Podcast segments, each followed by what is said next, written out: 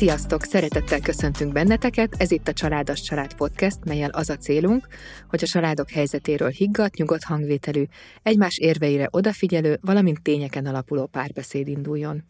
Az adásainkban itt a Partizán stúdiójában 12 családtípus dolgozunk fel, minden családmodellnek egy-egy adást szentelve.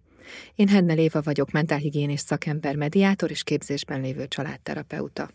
Köszöntöm a stúdióban állandó beszélgető partneremet és kollégámat Pál Mártont, aki a Családas Család társalapítója, családjogi aktivista, a Szivárvány Családokért Alapítvány kurátora. Szia Marci, üdvözöllek! Sziasztok! Mai adásunkban a nevelőszülői családok témakörét járjuk körbe, és ismét két vendéget köszönhetünk itt a stúdióban. Szilvási Léna, az SOS gyermekfalvak szakmai vezetője 1983 óta dolgozik családokkal és szociális munkaoktató. Köszönjük Léna, hogy elfogadtad a meghívásunkat. Nagyon szíve, örömmel fogadtam el, és üdvözlöm a hallgatókat is. És Bece Szabolcs, aki maga is nevelőszülő, egy idősek otthonának intézményvezetője, okleveles szociális munkás, jelenleg három gyermek egyedüli nevelőszülője. Köszönjük Szabolcs, hogy itt vagy velünk. Sziasztok, én is köszöntök minden hallgatót. Azt gondolom, hogy mielőtt elkezdenénk a beszélgetést, én azonnal egy sztereotípiával kezdeném az első kérdésemet, mert hogy nem vagyok benne biztos, hogy a hallgatóság teljesen tisztában van azzal, hogy mi a különbség, vagy pontosan mit jelent maga a nevelőszülőség, és miben különbözik akár az örökbefogadói szülőtől, és miben különbözik az intézményi neveléstől. Az a kérésem, hogy ezt egy kicsit tegyük helyre, hogy hogy hol is van pontosan, miről is szól gyakorlatilag a nevelőszülőség. Úgy szoktam definiálni az örökbefogadói szülőket a nevelőszülőktől, hogy talán mi csak egy fejezet vagyunk a gyerekeknek az életébe, amit megpróbálunk minél szebbé, tartalmasabbá, gazdagabbá tenni a napokat. Ettől függetlenül nehéz mesdje ez, elválasztani a kettőt, főleg a gyerekeknél, akik ugye úgy kerülnek oda, hogy sok esetben, hogy nem tudják, hogy meddig tart ez az állapot, ki vagyok én, az én családomba, az én normáimba be, bele születni, vagy beleélni magukat, elfogadni ezeket a, a, a gondolatokat. Nekem szerencsém volt az összes gyerekkel kapcsolatban, akit neveltem, nevelek, mert szerencsére nagyon hamar beilleszkedtek az én családomba. Talán így tudom definiálni a kettő közötti különbséget, hogy hogy nálunk ez egy olyan kialakult helyzet, hogy ugye a család általában nem minden esetben mond le arról a gyerekről, aki kikerül a családjából. Így sok esetben visszakerülnek a gyerekek abba a családba, ahol fölnőttek, vagy pedig más helyen, más országba örökbe fogadják őket. Én nem fogadom őket örökbe, nálam egy bizonyos ideig vannak a gyerekek. Soha nem is akartad egyiket sem örökbe fogadni? Ö, elgondolkoztam sokszor ezen. Ö, szerintem, én, én úgy gondolom, hogy nem, nem szeretném. De hát ez így kerek felőlem. Ez így van, ez saját döntés és érzések alapján. Csak hogyha ugye beszélgetünk hallgatókkal, talán azt is fontos hozzátenni, hogy én magam örökbefogadó szülő vagyok, tehát nekem van egy 36 éves örökbefogadott fiam, akit két éves korába fogadtunk örökbe, ami azért azt jelenti, hogy ő olyan, mintha az én, tehát nem olyan, mintha, hanem ő az én gyerekem. Ugye örököl, velünk él, nem szétválasztható ez a kapcsolat. Felvette a neveteket. Igen, igen, igen. Miközben tudja a származását, tudja a gyökereit, de hogy a mi családunkhoz tartozik egyértelműen.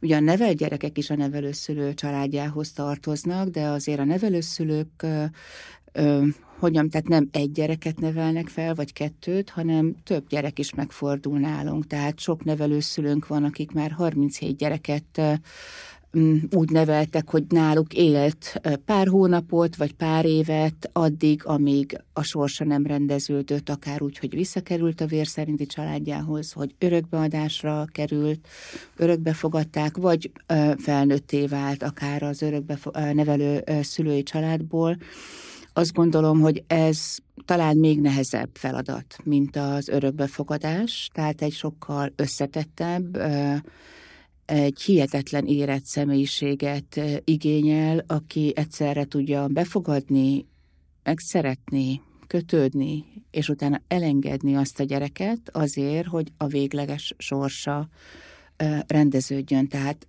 hiper érzelmileg intelligenseknek kell lenni a nevelőszülőknek, tehát ez egy, ezért egy nagyon különleges hivatás. Szeretni és elengedni. Igen, ahogy egyébként beszéltél a nevelőszülőségről, én azt gondolom, hogy egy, hogy teljesen egyetértek, ugye én is örökbefogadó uh-huh. szülő vagyok, mi is az Andrist egy nevelőszülőkön uh-huh től fogadtuk mm-hmm. örökbe, és ott egyben is láttunk az életükbe, hiszen a, a barátkozásnál úgy két hétig hát non-stop együtt, ott laktunk náluk mm-hmm. szinte, és egyébként azóta is tartjuk a kapcsolatot, mm-hmm. tehát, hogy karácsonyokat együtt töltjük, um, születésnapnál találkozunk, szóval így szerettük volna, hogy így valamilyen szinten így maradt kapcsolat, vagy az Andrisnak, meg hogy így nekünk is, hogy úgy lássa, mm. hogy hol volt. Tehát eddig vissza, tud, vissza tudjuk vezetni az ő kis életét, mm. az előtte lévő időszakot azt nem tudjuk, meg azt így, mm. az, az, hogy nem tudjuk mihez kötni, vagy kihez kötni, ezt viszont igen. De hogy amire, amire kicsit elkalandoztam, bocsánat, de amire akartam reflektálni, hogy ezért a nevelőszülőséggel kapcsolatban rengeteg sztereotípia is van még. Akár még csak, hogyha visszagondolunk arra, hogy a, az Árvácska című, öm, öm, öm, öm, úristen, az novella? Szerintem regény. Kis, regény, regény, kis regény, igen. igen. Tehát már csak onnan indulok ki, hogy, hogy, hogy ez honnan indult el, és még azt gondolom, hogy az emberek fejében is az, hogy nevelőszülőség, uh-huh. az még nincs úgy uh-huh. megbecsülve, nincs uh-huh. arról elég szó, um, uh, amit egyébként ezek az emberek csinálnak, és hogy uh-huh. ez egy milyen fontos dolog, amit ők más gyerekét egyébként nevelik és vigyáznak rá, ameddig, ameddig nem rendeződik ez. Hogyha itt mondhatok valamit, hogy érdekes ez a hasonlat az árvácskától, és nagyon releváns történelmileg, tehát hogy azt az utat járja be a nevelőszülőség, hogy valóban régen kiadták a gyerekeket, hogy kvázi cselédként dolgozzanak, és enni kapjanak a családoknál szerte a világon. Létezett ez a jelenség, ez nem csak magyar jelenség uh-huh. volt. Ma viszont egy modernebb társadalomban, vagy egy társ, felvilágosultabb társadalomban. A, a családok belátják, hogy vannak gyerekek, akik akik rászorulnak, mert hogy akármilyenokból kifolyólag elvesztették a családjukat, és és hogyan belátják, hogy ezeknek a gyerekeknek ugyanolyan gyerekkorra van szükségük, mint amit mi a saját gyerekeinknek tudunk biztosítani. Tehát a, a mai nevelőszülők azok kvázi szolidaritásból, vagy társadalmi igazságérzetből, és hát nyilván személyiségükből fakadóan, vagy tapasztalataik miatt, amiatt motiválva nyitottak egy ilyen dologra, hogy átmenetileg otthon biztosítsanak a gyerekeknek, kivasalják őket, lelkileg természetesen, és, és ez tök fontos, tehát, hogy, hogy ők egy krízis állapotból érkeznek mindenféleképpen, sokszor elhúzódó, krónikus krízis állapotokból érkeznek. Hatalmas batyúval hatalmas batyuval, és a nevelőszülő dolga ezt megkönnyíteni, kibogozni, kicsomózni, segíteni, alkalmazkodni, és olyan állapotba hozni a gyereket, hogy értelmesen tudja folytatni, vagy hogyan, hogy képes legyen hazakerülni a családjához, vagy nyitott legyen arra, hogy egy másik családba, örökbefogadó családba kerüljön. Tehát ez egy hatalmas munka, és nagyon nagy hozzáértést igényel, és ami hozzáért, és elsősorban egy érzelmi ráhangolódás és tudatosság, azt gondolom. Azt gondolom is, hogy ez eléggé faramúci helyzet a nevelőszülősdi, mivel mire az gyerek meg a, a nevelőszülő kapcsolata kialakulna, addigra van olyan eset, meg sok eset, hogy akkor azt a gyereket kiemelik a nevelőszülőtől is, és hazagondozzák, tehát hogy mire pont összeszokna ez a két oldal, addigra sok esetben ez elválik egymástól. Ezt a az érzelmi ráhangolódás ennek, a, ez egy nagyon súlyos szerep is nevelőszülőnek lenni, nagyon fontos falsos szerep, hogy megkapják azt a nevelőszülők ezt a segítséget, vagy hogy kapják meg a nevelőszülők ezt a segítséget, és tudom, hogy te lehet, hogy csak az eses gyermekfalvak szempontjából tudsz beszélni, de mm. hogy, hogy azért azt látjuk, hogy a nevelőszülői hálózat azért sokkal kiterjedtebb, nagyon sok szereplős, sok uh, intézmény uh, van már benne tulajdonképpen. Um, és a politikát azt most nem akarom abszolút belekeverni, tehát ez nem a politikáról, hanem hogy milyen segítséget kapnak ezek a nevelőszülők, mm. hogy ők mentálisan ezt a munkát el tudják végezni. Igen, itt azt gondolom, hogy Szabolcs, te kezd el, hogy te milyen segítséget kapsz, aztán majd én mondom, hogy szerintem mit kapsz te. Igen, ugye én is az Magyarország Alapítványnál vagyok, mint nevelőszülő. Nekünk, nekem hatalmas nagy segítség az, hogy nekem van egy nevelőszülői tanácsadóm, akire én bármikor számíthatok. Nagyon jó a kapcsolatunk, és tényleg azt gondolom, hogy reggel hatkor fölhívom, vagy este 11 órakor, akkor is fölveszi nekem a telefont, és eljön és segít. Mellette nyilván a gyerekeknek van gyámja, és én abban a szerencsés helyzetben vagyok mondhatni itt is, hogy a gyámokkal is nagyon jó a kapcsolatom, és a gyámok nem csak a gyerekeknek segítenek, hanem általában azért nekem is, mert nézik együtt a családot, nem csak a gyerekeket nézik szerencsére. Emellett azért az a tapasztalatom sok esetben, hogy, ez, hogy az iskolákban sem mindig fogadják el ezeket a gyerekeket. Tehát amit egy normál szülőnél vagy örökbefogadó szülőnél abszolút simán veszik az akadályt, abban lehet, hogy nálam kukacoskodnak, nekem ezerszer jobban oda kell figyelnem arra, hogy a gyerek hogy néz ki, hogy van fölöltözve. Tehát, hogy Közben összenéztünk Marció, és Igen. pontosan tudjuk, hogy ezt hívják kisebbségi stressznek, és már nem tudom, hanyadik adásunkban merül fel ez a téma. Abszolút érthető, amiről beszélsz, azt gondolom. Volt nagyon sokszor, hogy én is azért kifakadtam, volt nekem is veszekedésem óvónőkkel is, de általában ezek a dolgok, helyzetek kisimultak. Az Andisnak kerestünk iskolát és egy ilyen elég jó is, állami iskolát néztünk, és elment a, az Ádám a nyílt napra, és azért ott a másik keletben vannak a, egyébként a gyermekotthonoknak a nagy része, mm. kult, nem tudom, hogy ez, gondolom azért, mert ott voltak épületek, és azokat sajátították ki a szocializmusban, ez az én gondolatom, és ezek ott is ragadtak, ezek a gyermekotthonok, és az egyik iskolában, ahol nyílt nap volt, ott ott ült, nem tudom én, száz szülő, ezen a nyílt napon, és akkor az egyik anyukában volt annyi bátors, bátorság, nem is tudom, inkább én pofátlanságnak hívom, hogy megkérdezte, hogy azok a gyerek, mennyi olyan gyerek jár ide ebbe az intézménybe. És akkor kérdezte az igazgató, hogy mire gondolt, hogy milyen olyan gyerekek, és hát akik itt laknak, a, és mondta a gyermekotthonnak a nevét. Uh-huh. Az Ádám egyébként abban a pillanatban felállt, és kijött a, a tehát hogy, hogy, hogy kijött az iskolából, mert azért egyébként az igazgatónő is reagált, az, az sem nem volt rossz, de hogy nem is volt jó. Mert hogy azt mondta, hogy megpróbálják ezeket a gyerekeket nagyon külön kezelni, ebéd után ezek a gyerekek hazamennek és az Ádámot teljesen, tehát hogy amikor egyébként ezek a szerencsétlen gyerekek egyébként szocializálódnának a többi gyerekkel, meg, meg, meg egyáltalán, akkor őket inkább hazaviszik, és hogy akkor ők legyenek a gyerek Már otthon. hátrányal indulnak. Persze. Igen. Szóval ez brutális, és ez a második kerület egy ilyen, legjobb környék, vagy nem is tudom, intelligens emberek nincsenek anyagilag deprivált állapotban, de hát szörnyű, hogy, hogy még itt is még kell, kell egyébként megküzdeni. Én azért azt szoktam vallani, hogy a diplomának a megléte az nem egyenlő, egyenesen arányos azzal, hogy valaki mennyire intelligens. Ez lehet, hogy akkor ebben a kerületben is megmutatkozik, hogy azért nyilván tanultabb emberek vannak, több diplomával, de ez nem feltétlenül egyenesen arányos azzal, hogy, hogy úgy is állnak hozzá a dolgokhoz, gyerekekhez. De hogy elvittem ezt a kérdést is, hogy mondtad, hogy te, hogy így mondjuk úgy, hogy szerencsés vagy, hogy megkapsz minden támogatást, és te úgy érzed, hogy, hogy, hogy ez rendben van. Például azokkal a nevelőszülőkkel, akikkel én találkoztam, az Andisnak a nevelőszüleivel, Kicsit más tapasztalatom volt, ahogy én beszélgettem velük.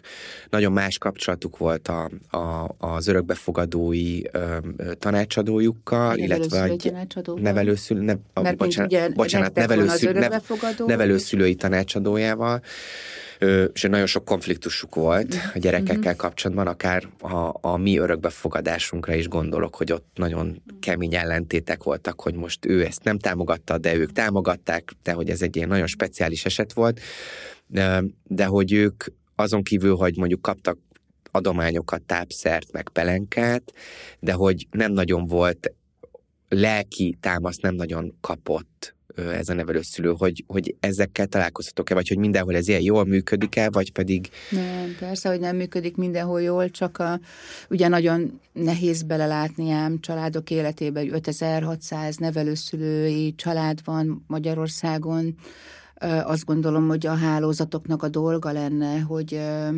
hogy, hogy is mondjam, monitorozzák, és hogy célokat fogalmazzanak meg, hogy miben kell támogatni a nevelőszülőket. Tehát mi ebben szerintem sokat fejlődtünk, én örülök, hogy Szabolcs ezt mondott, hogy a tanácsadód rendelkezésre áll minden pillanatban, és azt gondolom, hogy a tanácsadóink valóban így működnek, de azért vannak nagyon nehéz helyzetek a mi hálózatunkban is. Uh-huh.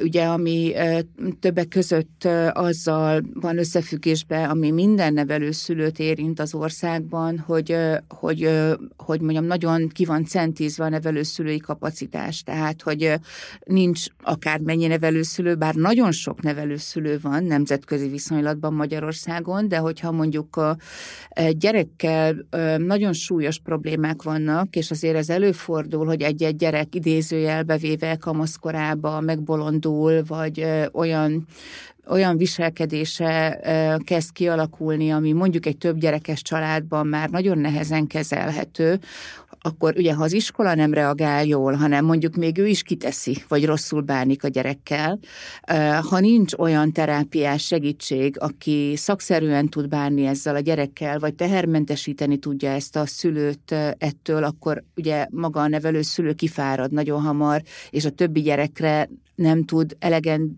jól figyelni, tehát ez egy nagyon fárasztó, lelkileg idegölő munka lehet, amikor van egy nagyon rakoncátlan és nagyon nehezen kezelhető, akár ön is közveszélyes kamasz, ugye 10 Igen. és 14 évkor között, vagy később, és ugye erre elvileg kellenének a terápiás lakásotthonok, ahol, ahol, vagy terápiás szülők, tehát erre speciálisan képzett nevelőszülők, akik egy gyereket egy nehéz gyereket akartam, befogadnak. Igen, igen.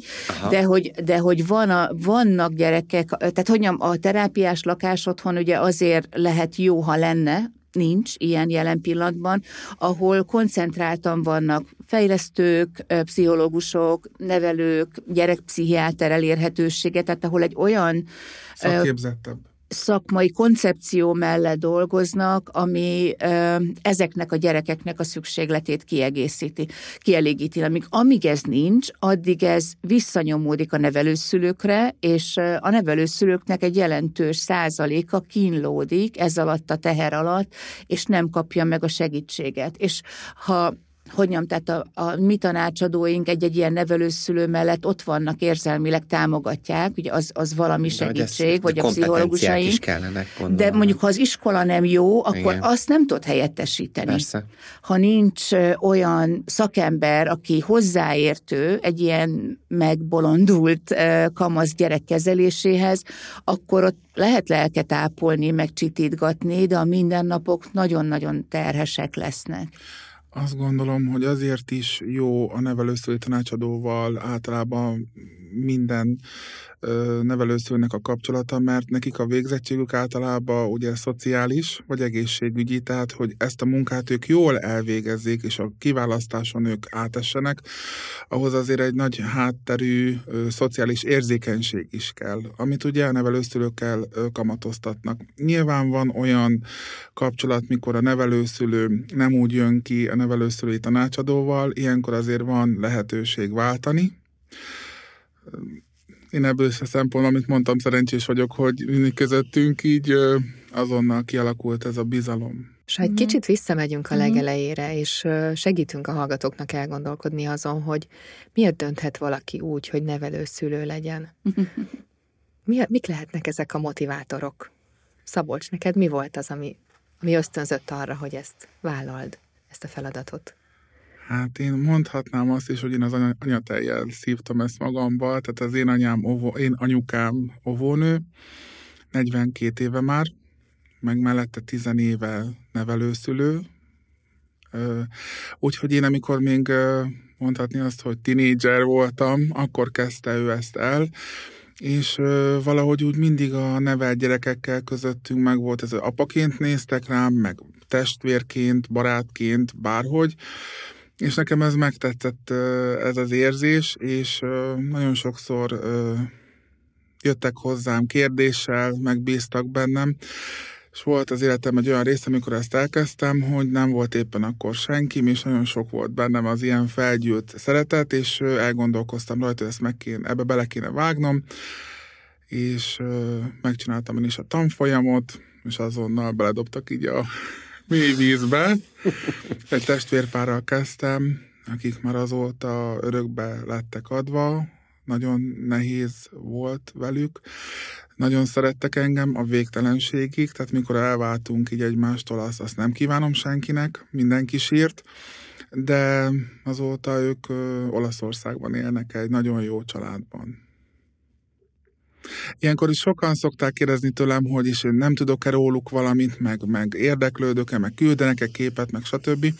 Én azt gondolom, hogy az SOS az nagyon jól kiválasztja az örökbefogadó szülőket, több rostán át kell menniük, úgyhogy én azt gondolom, hogy jó helyen vannak, és hogy nem biztos, hogy én bele szeretnék csúnya jelzővel rondítani ebbe az állapotba, hogy fölkavarjam őket érzelmileg, hogy na most én akkor én itt vagyok, nem találkoztunk már egy éve, de most hogy vagytok, tehát hogy éljék a kis most ott kialakult életüket.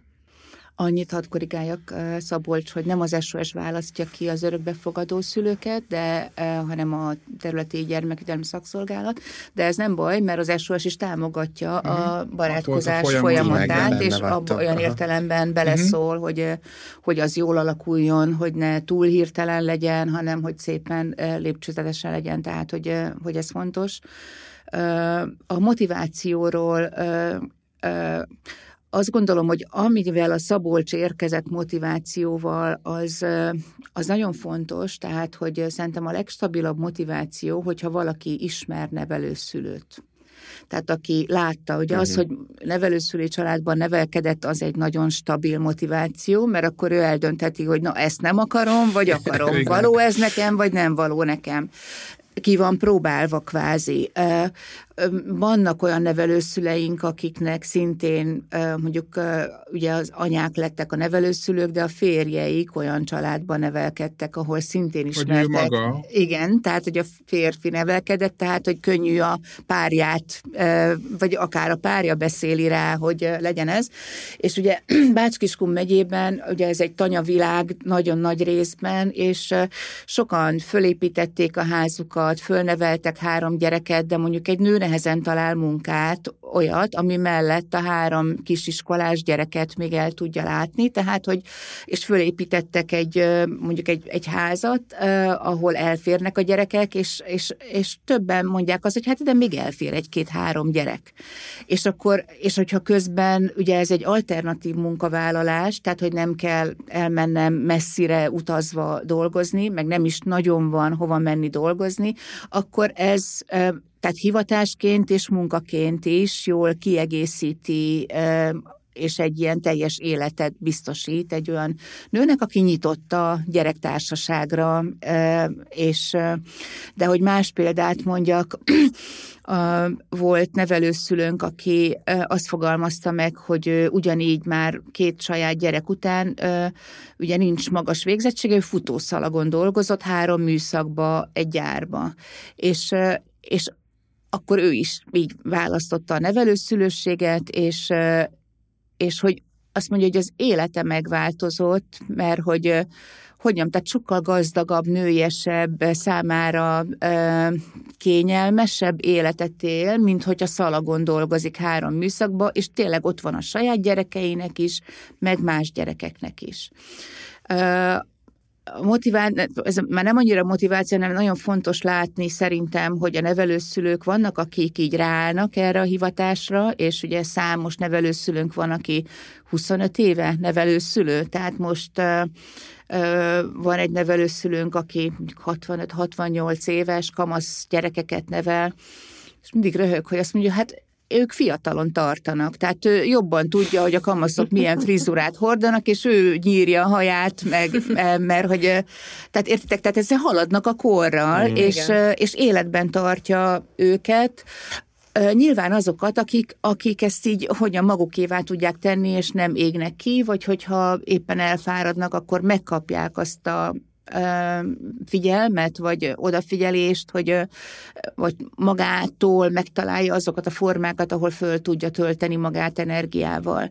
De vannak nevelőszülők, akik szerintem csak egy generáció, vagy egy csomag gyerek felnevelése alkalmasak, és az is tök jó. Tehát, hogy nem kell valakinek élete végéig nevelőszülőnek lenni, hanem lehet, hogy az ő életciklusába az fér be, hogy egy testvérpárt igen, kirepültek a gyerekek, vagy még ott vannak a gyerekek, és akkor egy testvérpár pár évig kisimul náluk, vagy fölnevelkedik náluk, de nem jelenti azt, hogy akkor ő élete végéig folyamatosan újabb és újabb gyerekeket kap. Tehát, hogy ez is egy félreértés lehet a nevelőszülőkkel kapcsolatban, hogy, hogy fontos látni, hogy itt sokféle lehetőség van erre, hogy kisgyerek, nagygyerek, nagyobb gyerek. Nyilván van egy jelentős kiszámíthatatlansága, Na mindezt, szóval én azt gondolom, hogy a gyerek szeretet, a motiváció, és akár ez az alternatív munkalehetőség, és a jó motiváció valóban az, amikor megerősödik az, hogy ezt jól választottam. Tehát, hogy ez való nekem, bírom az éjszakai sírást, megtalálom azokat a külső erőforrásokat, ami kárpótol a folyamatos 24 órás dologokért, megtalálom azt, hogy mivel tudok feltöltődni, és van, aki olvasással töltődik, valaki fürdőbe jár, van, aki hétvégenként a párjával elutazik, de van, aki az iskolát választja, hogy még a több gyerek nevelése mellett még egy egyetemre is beiratkozik, úgyhogy tehát nagyon változatos, hogy, hogy ki mit csinál mellette. De nem akarom rózsaszínre festeni a képet, tehát, hogy azt gondolom, hogy azt is kötelességem megfogalmazni, hogy nagyon visszaélünk a nevelőszülők jó indulatával, hogyan nem, azt gondolom, hogy a nevelőszülő nem lehet nem áldozatkész ember. Tehát kvázi per definíció nagyon nehéz, hogy, hogy valaki bevállaljon idézőjelbe idegen gyerekeket nevelésre, akkor, amikor nem tudja, hogy ez egy évig tart, örökre tart, mi lesz vele öt év múlva, hogy hatnak örökre rá. talán nem tart, mert pont ezen gondolkoztam, uh-huh. ahogy így mondtad, hogy Marci így az elején megkérdezte, hogy, hogy nem gondolkoztam el azon, hogy örökbe fogadjak, és talán, amit előbb említettél, az teljesen jó megfogalmazás volt, hogy én meg félek az ilyesfajta teljesen elköteleződéstől, hogy, hogy most egy életciklusomban, ami még mindig tart, úgy érzem, hogy tudom ezt csinálni, nagyon szeretem csinálni, de ki tudja, hogy tíz év múlva én ezt akarom megcsinálni, és akkor nem mondhatom a gyereknek azt tíz év múlva, hogy most akkor ez ennyi volt, és vedd le a nevemet, meg, meg tehát, hogy ez, ez nagyon nehéz. Igen. igen hát talán pont ez a legnehezebb, igen, igen, mert hogy, hogy itt is, hogy mondjam, tehát nekünk terveznünk kell a nevelőszülőkkel, tehát hogyha ő be akarja fejezni a karrierjét, akkor már mint a nevelőszülői tevékenységét, akkor arról nagyon időben el kell kezdeni gondolkodni, hogy, hogy ne az legyen, hogy egy egy felesleges gondozási helyváltás Hirtelen történik kiemelés. a gyereknél, igen, hanem hogy ez meg legyen tervezve, hogy annak legyen értelme, hogy az legyen pozitív kimenetelő, tehát rettenetesen nehéz dolgok Összetett. ezek. Én csak itt süllyedek a székembe. Tessék? Én csak itt süllyedek a székembe. Nagyon bonyolult. Nagyon, nagyon, nagyon, nagyon. Én, én, én lelkileg ugye ez engem, vagy hát hogy mondom, érintett vagyok, vagy, vagy nem, örökbefogadó szülőként azért.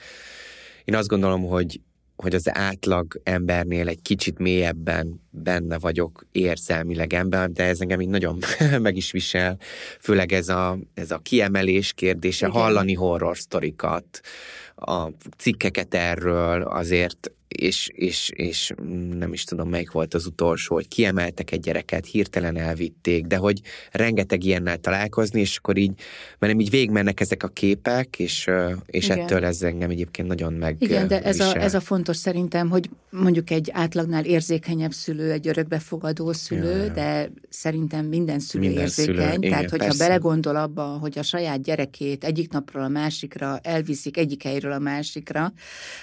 Egy öt éves mit él át? Egy öt éves, vagy egy két éves is. Hát hogy nem, tehát, hogy tragédia a gyerek számára, és azért a mi munkatársaink olykor találkoznak, tehát, hogy előfordul, hogy olyan szerencsétlenül alakul egy gyereknek a sorsa, hogy mondjuk öt éves korára már négy gondozási helyen volt. Ezért mondtam a nagybatyut. Igen. Tehát, hogy, hogy nem csak az, hogy a családból kiemelik, és hogy ott mi volt, hanem ugye itt beleszólhat a nevelőszülő betegsége, vagy a családban egy olyan betegség, ami miatt hirtelen abba kell hagynia a dolgot. Ugye, de nagyon szigorúan nézzük azt is, hogy történik-e bántalmazás, vagy nem megfelelő bánásmód a nevelőszülői családban, most hogy ez is előfordulhat ez is előfordul, természetesen, persze. és akkor megváltani kell. Tehát, hogy van, amikor uh, jól végezzük a munkánkat, de a gyerek akkor is rosszul jár mármint, hogy jól jár azzal, hogy egy, hogyan egy kicsit is bántalmazó Akkor annak ki környezetből kiemeli, de hát azért mégiscsak egy környezetváltás számára, és mégiscsak újra elveszített egy családot, és megint egy új környezetbe kell beilleszkednie, ami nyilvánvaló a gyerek számára nem természetes, és nem lehet megúszni a traumákat. Hmm. Lehetetlen.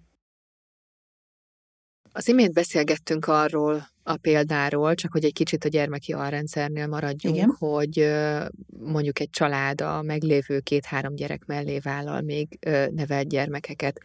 Ilyenkor a gyakorlatban hogy látod, vagy hogy látjátok, hogy mennyire mennyire nehéz ez a szülőknek, és mennyire nehéz a gyerekeknek. A nevelőszülőket mondod? Igen, igen. igen. Tehát, hogy, hogy a, a saját gyerekemmel való viszonyom, a nevelt gyerekemmel uh-huh. való viszonyom, uh-huh. és uh-huh. hogyha egyik féltékeny a másikra is. Tehát, hogy talán szerintem a szülőknek a legkevésbé nehezebb, azért, mert ők döntöttek úgy, hogy még ebbe a családba befér egy, kettő, három, nem tudom hány gyerek.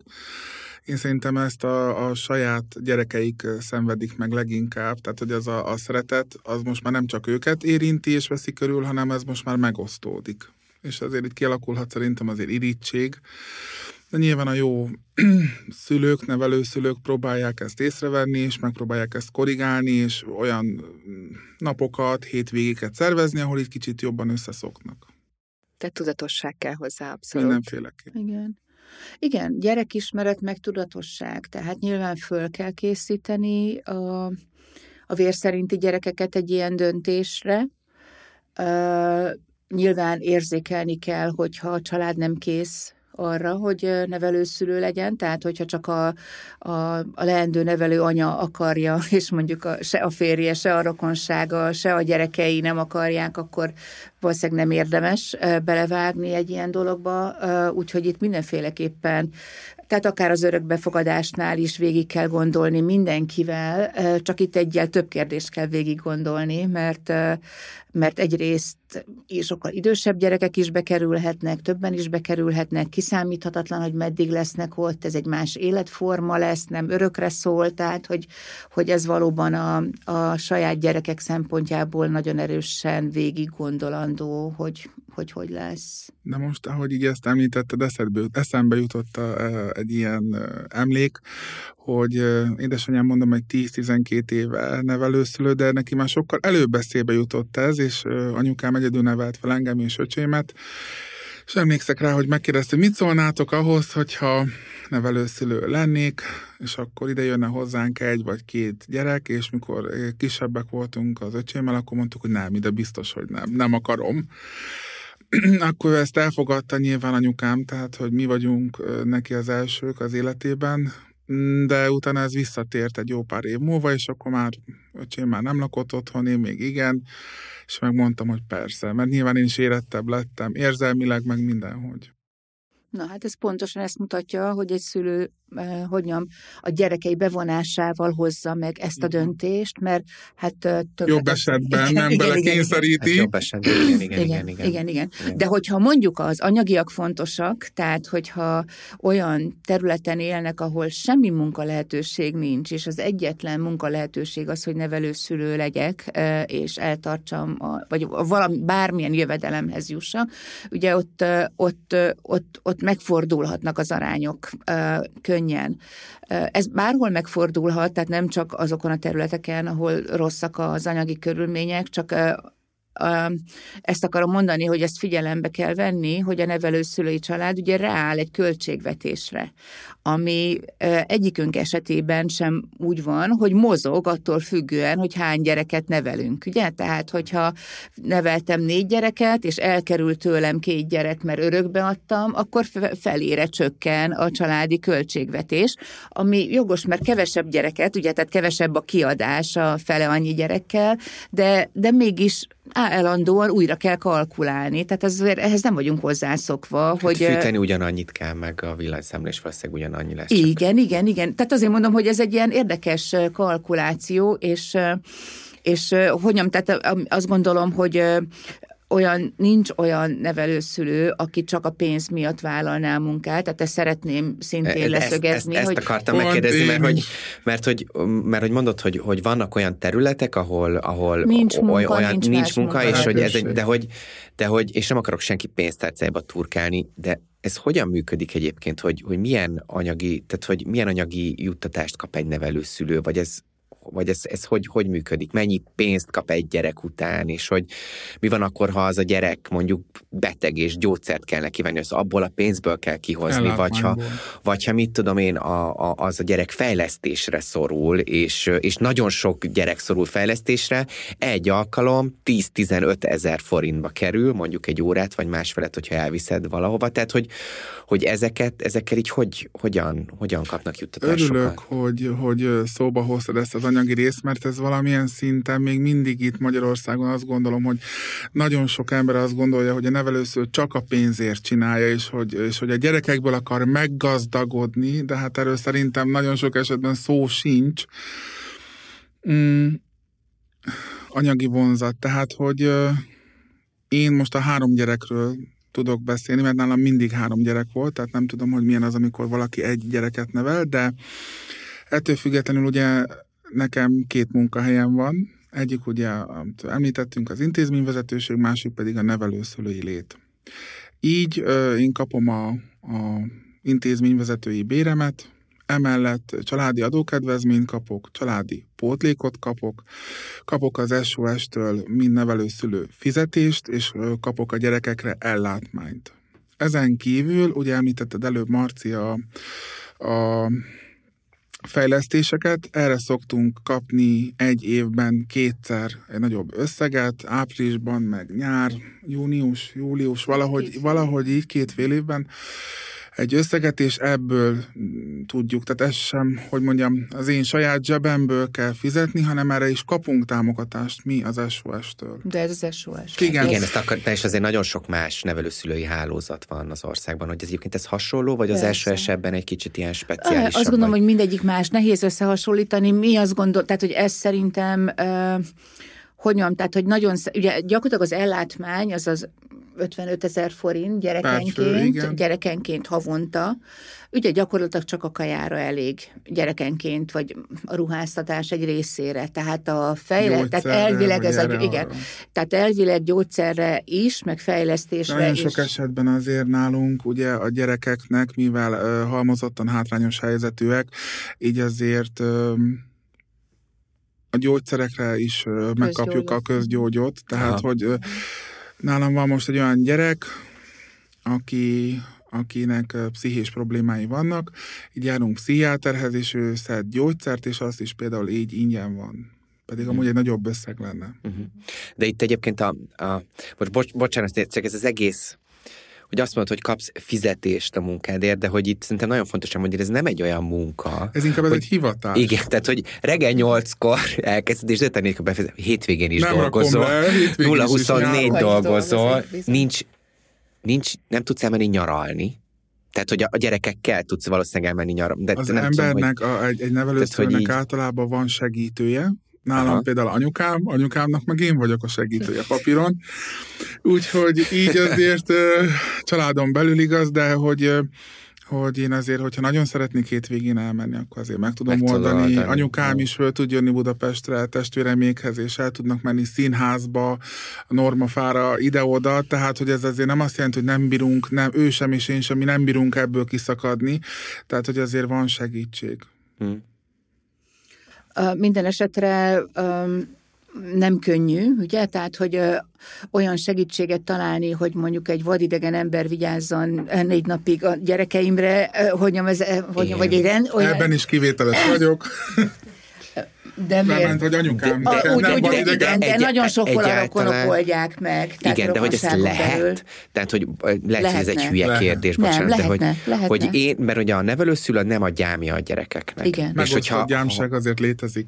Aha, de hogyha mondjuk mondok valamit, ha te elmész hétvégére valahova, uh-huh. és valak vigyáz, mondjuk egy, egy családtagod vigyáz a gyerekre, és azzal a gyerekkel bármi történik ez alatt az idő alatt, ezért van ez lepapírozva, Aha. hogy egymásnak vagyunk a segítői. Jó, tehát ez papírkér, tehát hogy papír. ezt nem. Hát vagy telefon, vagy de telefon, minden, hogy e-mail, tehát az a gyámnak mindenféleképpen nem, csak tudnia ezek kell. nagyon fontos igen, dolgok. Igen, igen, igen. Tehát, hogy itt ezt tudják az emberek, hogy ez nem úgy van. Lehet, igen. hogy nekünk, most nekünk megyek, ez, és ez, akkor... ez így magától értetődik, igen, tehát, igen. hogy... Yeah. Igen. Na most megint ugye Szabolcs egy ilyen nagyon elégedett nevelőszülő, Igen. és ez, ez tök jó.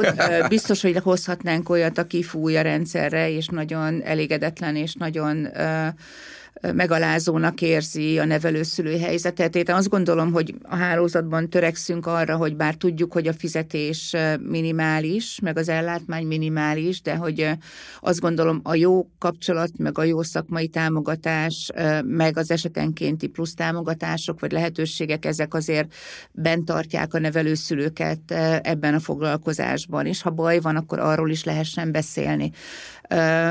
Ugyanakkor azt azért ki kell mondanunk, hogy a családi pótlék 15 éve nem emelkedett, ami azért a jövedelem egy forrása, az ellátmány.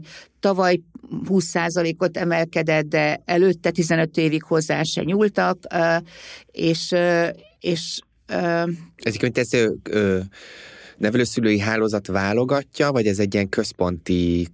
Mit, mit? Mit válogat? A, a, hát ezeket az, az összegeket. Az összegeket, tehát hogy mennyi nem, fizetés. Nem, nem, ez, ez államilag állami, meghatározott. Ez egy államilag, államilag meghatározott, meghatározott hogy mennyit tudunk fizetni. Ez az, ami tulajdonképpen normatíva fedezi Normatív, is ezt. Aha, ezt, ha ezt én, mint SOS többet akarok fizetni a nevelőszülőnek, akkor, akkor az az én saját adományból, adományból tudom begyűjteni. Azért azt hozzáteszem, hogy, hogy lehet, hogy ez furán hangzik, de hogy az SOS-nél azért én úgy gondolom, meg úgy látom, hogy azért sokkal több a támogatás. Ugye ez egy civil szervezet, meg ugye vannak olyan egyházi fenntartású szervezetek, én ebben nem fog belemenni, de, de hogy azért hazabeszéljek, én az SOS-nél nagyon meg vagyok elégedve ezekkel a dolgokkal, tehát hogy nem csak szakmailag, a szupervízorokon át, a szakmai napokon át, a, a karácsonykor most is feljöttünk Budapestre, és elmentünk a zeneházába, utána vendégül láttak minket.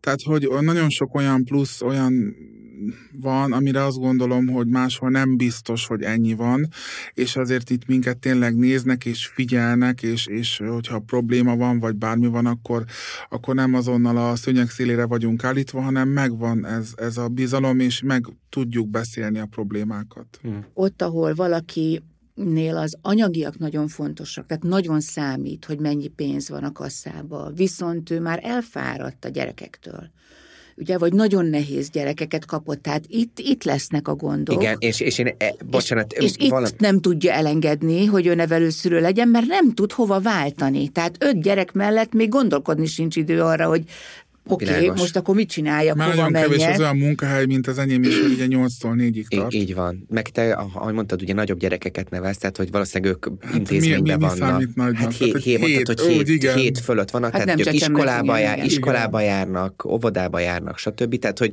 te hát tudsz mellette nem tudnál. Nem is, ezt, nem tudnál. Igen, igen. De hogy amiért én ezt kérdeztem, mert én hallottam, és most mm, ott vagyok az örökbe.hu-ba, meg, meg, meg különböző blogokon olvasok, hogy állítólag legalább négy gyereket kell nevelni annak, hogy megérje nevelőszülőnek lenni.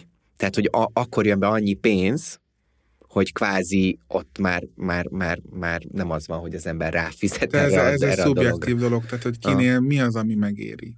Hát igen. De hogy ezeket lehet olvasni, és csak Egy nagyon mély szegénységből jövő, tényleg nem is falusi, nem tanyán élő családnál nyilván, hogy, hogy nekik ez annyira nagyon számít, de én azt gondolom, hogy nem, tehát aki ezt elkezdi, és ebbe benne van, az nem hiszem, hogy csak a pénzért csinálja. Tehát, hogy itt azért nem csak a pénz folyik be, ezt rájuk is kell költeni. Egyik. De a persze. másik meg az, hogy, hogy ezt, ezt szimplán szeretetből, hivatásból lehet azt gondolom csinálni, mert azokon a gyerekeken nagyon látszódna, Mind az iskolában, mert ott is azért van iskolapszichológustól fogva, védőnön át nem tudom, tehát hogy nagyon sokrétű ez a dolog, hogy azért észre lehetne venni azt, hogy ez a gyerek szenved, nem szeret ott lenni, vagy kékzöld voltok vannak rajta, vagy máshogy viselkedik, tehát, hogy mi nevelőszülők még jobban vagyunk monitorozva. Tehát valakire ránéznek egyszer, ránk háromszor. Uh-huh. Remél, igen. Tehát, hogy én azt gondolom, hogy ez előbb-utóbb kiderülne, hogyha valaki így nevelni a gyerekét, vagy csak a pénzért nevelni a gyerekét. Hmm.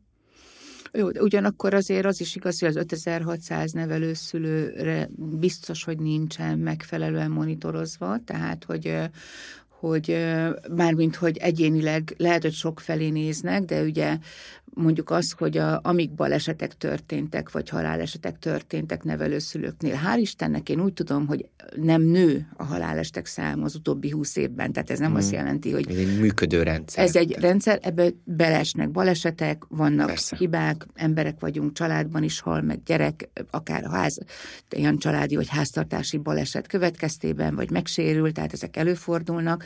Itt szerintem az a fontos, hogy itt az állam ugye kiemelte egy családból gyereket, mert veszélyeztetve volt, tehát akkor az állam felelőssége, hogy ahova helyezi a gyereket, ott biztonságban legyen, és hogy azt valóban ellenőrizze, de ne úgy, hogy rendőrként, hanem hogy, hogy támogatással, de hogy olykor ránézzen arra, hogy mi történik, és hogy a kiválasztás jól van-e, hogy a támogatás jól van-e, illetve ha becsúszott egy-egy ilyen hiba, mint amit olvasunk az újságban, ott én sokkal komolyabban várnám el az államtól, vagy a szakpolitikától, az irányítástól, hogy ezt az esetet azt abszolút alaposan nézzék végig, és minden elkövetett hibát azonosítsunk be és javítsunk a protokollokon. Tehát javítsunk az eljáráson, javítsunk a szabályokon, javítson a, az ellenőrzésen, a támogatáson, tehát hogy, hogy, hogy tanuljunk ezekből az esetekből, és figyeljünk oda. Hát igen, ebből az 5000, nem vagyunk. De mondtad, hogy több mint 5000 család van, igen. tehát hogy egyszerűen az lehetetlen, hogy ez a rendszer olyan tökéletesen működjön, hogy ne, nem, nem történik Hát nálunk ugye nálunk száz család van az SOS-be, és Nagynak számítottok az esős gyermekfalvak? Nem, mi picinek számítunk. Picinek számítunk. A, a név nagy. Igen. A márka, igen, ez egy igen. jól működő márka, igen, de hát ez jó. Igen, igen, mi igen. nagyon pici hálózatnak számítunk, de ugye most ez meg is változott, mert ahogy az egyházi fenntartás alá kerültek a nevelőszülői hálózatok, a több kisebb hálózat Többsége. is bekerült egy-egy egyházi fenntartó alá, tehát ezért itt most itt nagyon nagy nevelőszülői hálózatok születtek korábban. Nem is tudom, talán 40-60 Igen, de én egyébként most olvastam a, HVG, a HVG-ben olvastam egy cikket erről, hogy a nevelőszülői hálózat szinte teljes mértékben most kikerült a, igen, az egyházakhoz, igen, tehát igen, hogy, igen. hogy szinte a teljes igen. nevelőszülői hálózat igen. az egyházi Igen, igen, tehát hogy ennek megvan a vagy nem, nem tudom, hogy akarunk -e ebbe az irányba menni, csak azt mondom, hogy higgadtan nézzük ezt a dolgot, akkor egyrészt tudjuk, hogy magasabb normatív támogatás van, vagy magasabb állami támogatást kapnak az egyházi fenntartású dolgok, tehát a mm, kalkuláció szempontjából logikus, bár ugyanabból a költségvetésből megy a pénz, tehát akkor mégse, ugye, és hát a, a, a kormányzati ideológiával összhangban van, tehát ezt se kell titkolni, tehát ez nyíltan van, hogy jobban bízunk a, az egyházi szervezetekben, mint a nem egyházi szervezetekben, kvázi ők lehet, hogy jobb nevelést tudnak biztosítani. Hát ezeket kellene monitorozni és Igen. megnézni, hogy valóban többet tudnak, vagy kevesebbet tudnak. Ez a jövő zenéje, úgyhogy majd meglátjuk. Szerintem ebbe így én nem fogunk tudni úgy belemenni, meg, meg nem is lehet nem ebbe, kell, hogy ez nem teljesen fölösleges. De ez így jó volt szerintem, abszolút, amennyire abszolút. Én... ezen a szinten kell azért. Ki lehet nevelőszülő?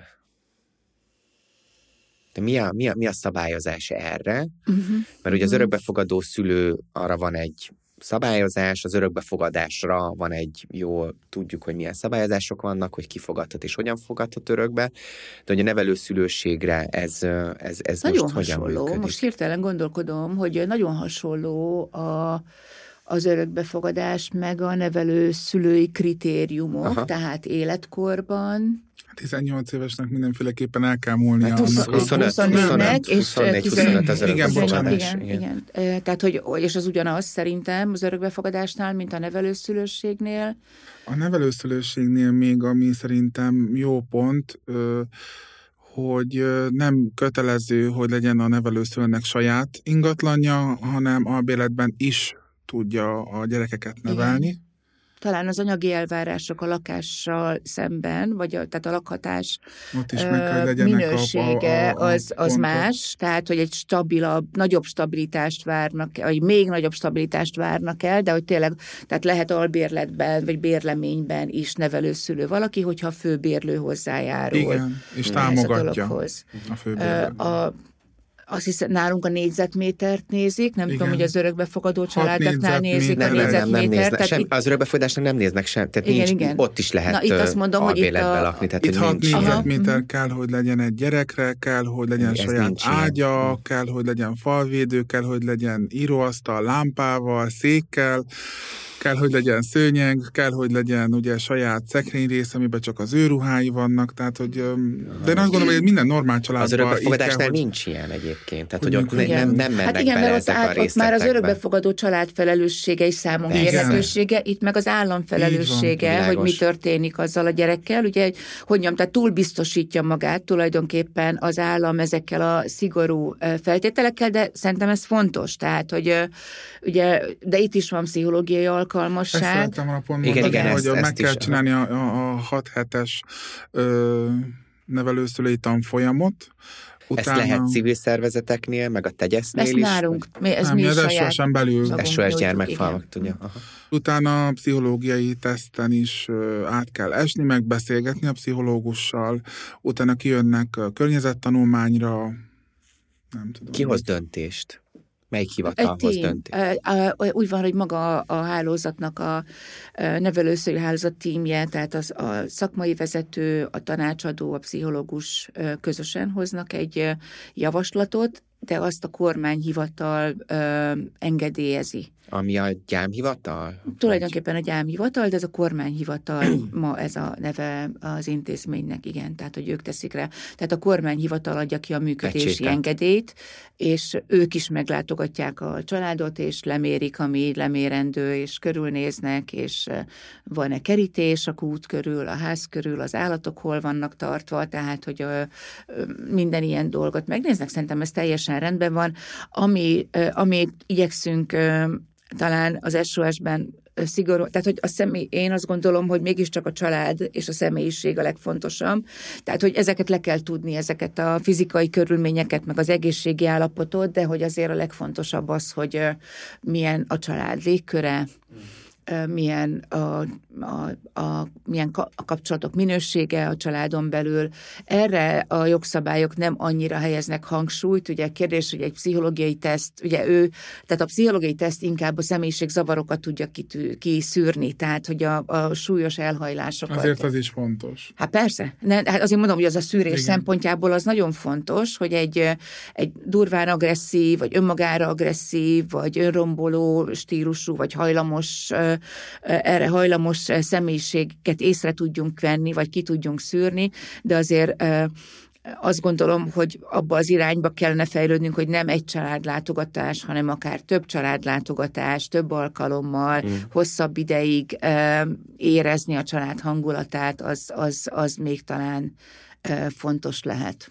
Az SS gyermekfalvak indított ezt a kampányt, hogy hány nevelőszülő hiányzik igen. a rendszerből? Igen, igen. igen. Igen, igen. Igen, de ez már korábban, tehát ezt már kiszámoltuk szerintem nagyon korán, csak most most beérett azt hiszem, hogy most már a csapból is folyik a 2000, és eleinte nagyon félve fogalmaztam meg, mert talán én kollégáimmal számoltuk ki, hogy ez hogy lehet, meg mi lehet, meg nem tudom, hogy most akkor ezer, vagy nem ezer, vagy kétezer. Hát, mert hogy a törvény ugye azt mondja ki, hogy minden gyereknek Igen. elvileg családban kellene Aki felnőnie. 12 év alatt. Alatti. Igen, magyarul Igen. meg tudjátok nézni, Igen. hogy hány van most Igen. gyermekotthonokban, és gondolom én, hogy az alapján ki lehet igen, számolni. de nem csak, igen, tehát azt is, de azt is kell látnunk, hogy azért itt van egy cserélődés, ugye? Tehát, uh-huh. hogy meg, hogy egy új nevelőszülőnek nem lehet három gyereket adni egyszerre, tehát, hogy ö, ö, aki még nem csinálta soha ezt a dolgot, Ez akkor azért lehet. jobb a fokozatosság, és jobb, hogyha egy-két évig akár egy vagy max. két gyerekkel van, és nagyobb segítséget kap. Tehát, hogy ez egy lassú felépülés, lassan lehet bővülni. Mm. Na most, most nagyon sokszor tapasztaljuk, hogy már nincs üres férőhely sehol, és akkor a, a jó nevelőszülők megkapják a hatodik, hetedik gyereket, hogy akkor, akkor fogadjátok be. Akik megint ugye áldozatkészek, és befogadják, mert nem akarják, hogy rossz helyen legyenek, de, de ezzel kifárasztjuk a meglévő nevelőszülőket. Akkor vannak gyerekek, akik egyszerűen akiknek nem jó egész egyszerűen sok gyerek mellett lenni. Persze. Tehát akiknek igényesebb, vagy hogyan egyéni odafigyelésre van szüksége, akkor ott meg végig egyéni nevelőszülőhöz kell őket elhelyezni. Most erre ma nincs lehetőség. Tehát, hogy itt egy sokkal differenciáltabb ö, dolgot kellene kialakítani, akkor vannak gyerekek, ugye megszüntették nagyon sok megyében a befogadó otthonokat. Tehát a gyerekek, akiket kiemelnek hirtelen a családból, korábban Igen. befogadó otthonba kerültek. Ugye ezzel a törvényel, hogy 12 év alatt itt nem lehet befogadó otthonba tenni, egyúttal be is zártak egy csomó befogadó otthonyt. Na de akkor ezeket a gyerekeket nevelőszülői családokba tesszük, ahol ott van mondjuk más gyerek. De ez lehet, hogy haza fog kerülni két hónap múlva, a másik ott fog maradni. Tehát ez, ez, ez óriási felbojdulást jelent a magában a nevelőszülői családban. Tehát azért az se lehet, hogy egy épp, hogy ott megnyugodott gyerek hirtelen egy ilyen krízis helyzetnek legyen kitéve, hogy jön az átmenő forgalom mellette. Igen. Tehát, hogy ezeket nagyon, tehát ezért kell egy hígabb nevelőszülői rendszer, mert az a jó nevelőszülői rendszer, ha egy érkező gyerekre én tudok öt családot mutatni, hogy melyikbe illeszthető. Na most itt csak az van, hogy ahol van egy üres ágy, akkor oda beteszek két gyereket. És nem azt nézed, hogy És egyébként nem azt az mi nézem, jó a hogy egy családnak, gyereknek- meg mi jó a I, gyereknek. hát, hogy az illesztésre nulla lehetőség van, na most itt kezdődik a minőség. De ma erre semmi lehetőség nincs, arról nem is beszélve, hogy, hogy ugye megírták az újságok, hogy jelen pillanatban kórházakba várnak csecsemők hónapokat, akik, akiknek a szülei vagy ott hagyták őket, vagy a védőnő, gyámhivatal, alapellátás úgy látja, hogy nem adhatóak haza, de nincs hova helyezni őket, mert nincs olyan nevelőszülő, vagy nincs elég nevelőszülő, aki befogadná ezeket a csecsemőket. Tehát sokkal több gyerek van, akinek gondozási helyre van szüksége, mint ahány nevelőszülői férőhely. Tehát az a törvény, ami szuper, és megszületett, de a törvényalkotó ö, és a gyerekvédelemért felelősök nem gondolták végig eléggé, hogy mi van akkor, hogyha nincs elég férőhely, akkor hogy hajtsuk végre a jogszabályt. Mm.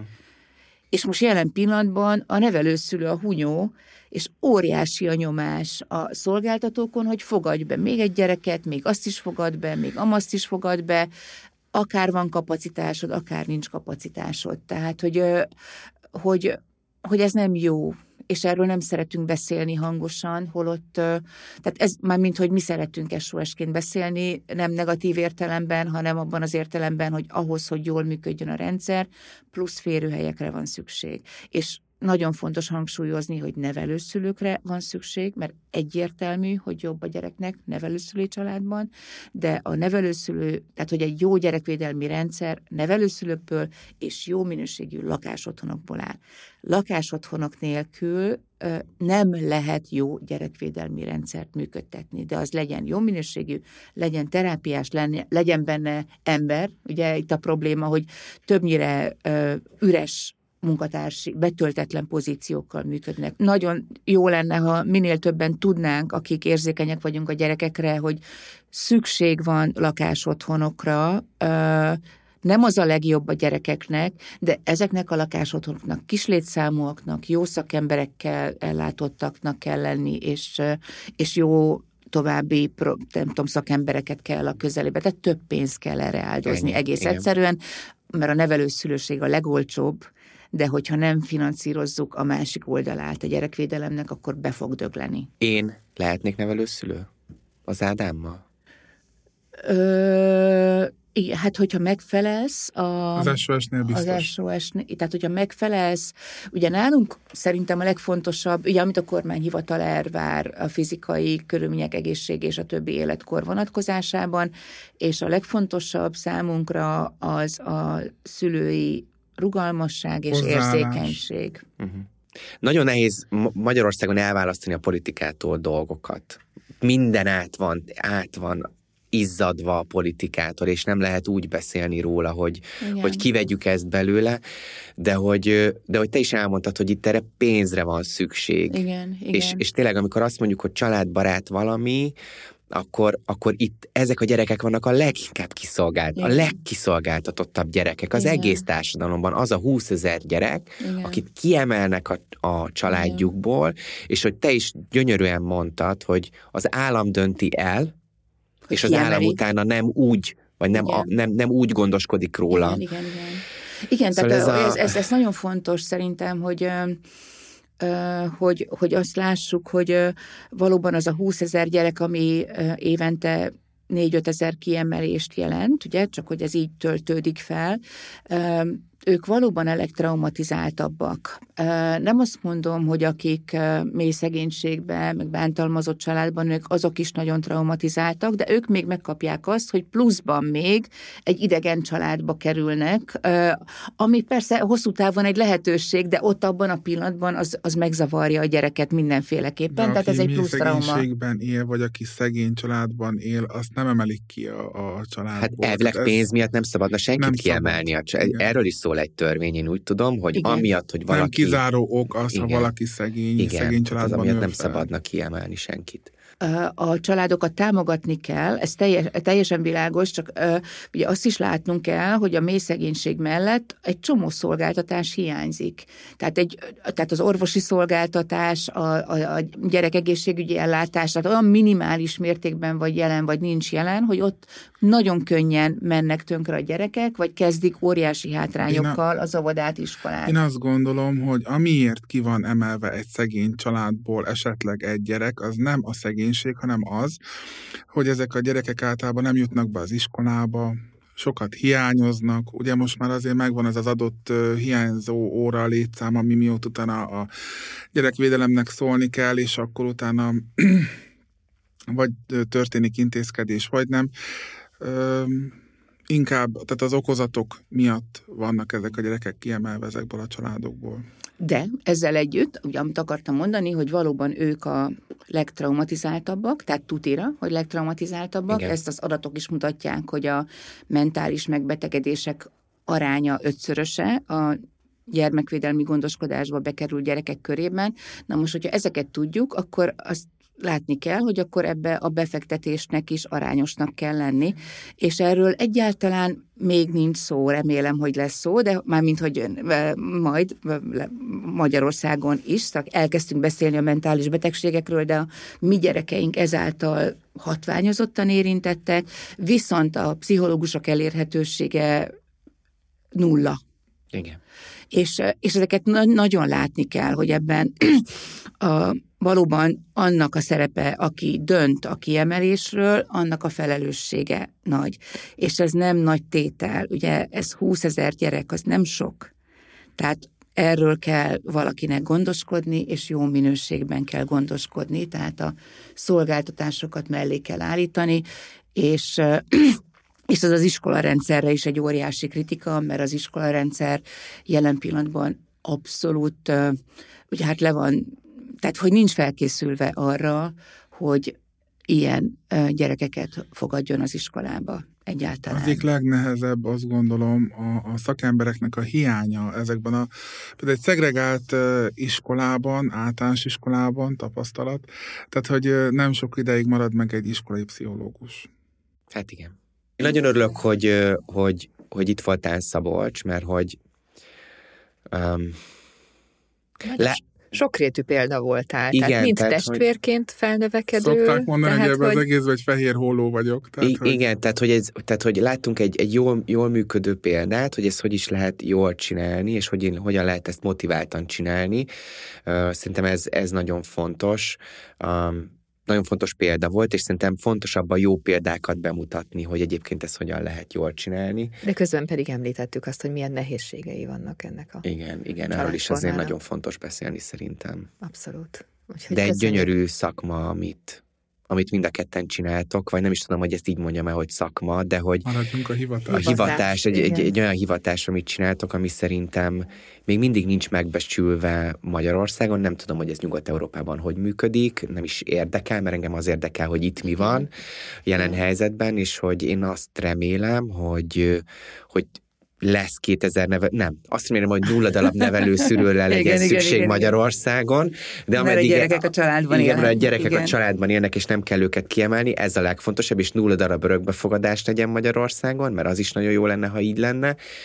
De ameddig ez nem így van, akkor viszont legyen több nevelőszülő, és, és ezek a szakmai szervezetek megkapják meg a Igen, támogatást. és, és, és talán tehát ilyen, én is záró gondolatként, aztán lehet, hogy Szabolcsban is megfogalmazódik, hogy tehát, hogy én, én nagyon szeretek itt dolgozni, és, és és szerintem ez, ez nagyon fontos, hogy, hogy hallják a, a hallgatók is, hogy a gyerekvédelemben lehet jó érzéssel dolgozni, és nagyon sok elégedett nevelőszülőnk van, aki büszke arra, amit csinál, és, és hát most a Szabolcsot hallottuk, és nekem is jó hallani így a Szabolcsot, ö, ö, mit tudom én, két-három, amikor kezdted a szakmát, akkor találkoztunk valamelyik képzésen, és, és és hogy, hogy figyeljük ezt, hogy mindig a bajokról hallgatunk, de hogy a nevelőszülők elképesztő, hogy milyen értékes munkát végeznek, és hogy ez tényleg egy nagyon értékes emberi munka. Tehát, hogy, hogy, hogy érdem, nem, nem kell belefogni, akit nem érdekel, de, hogy, de hogyha belekerül valaki,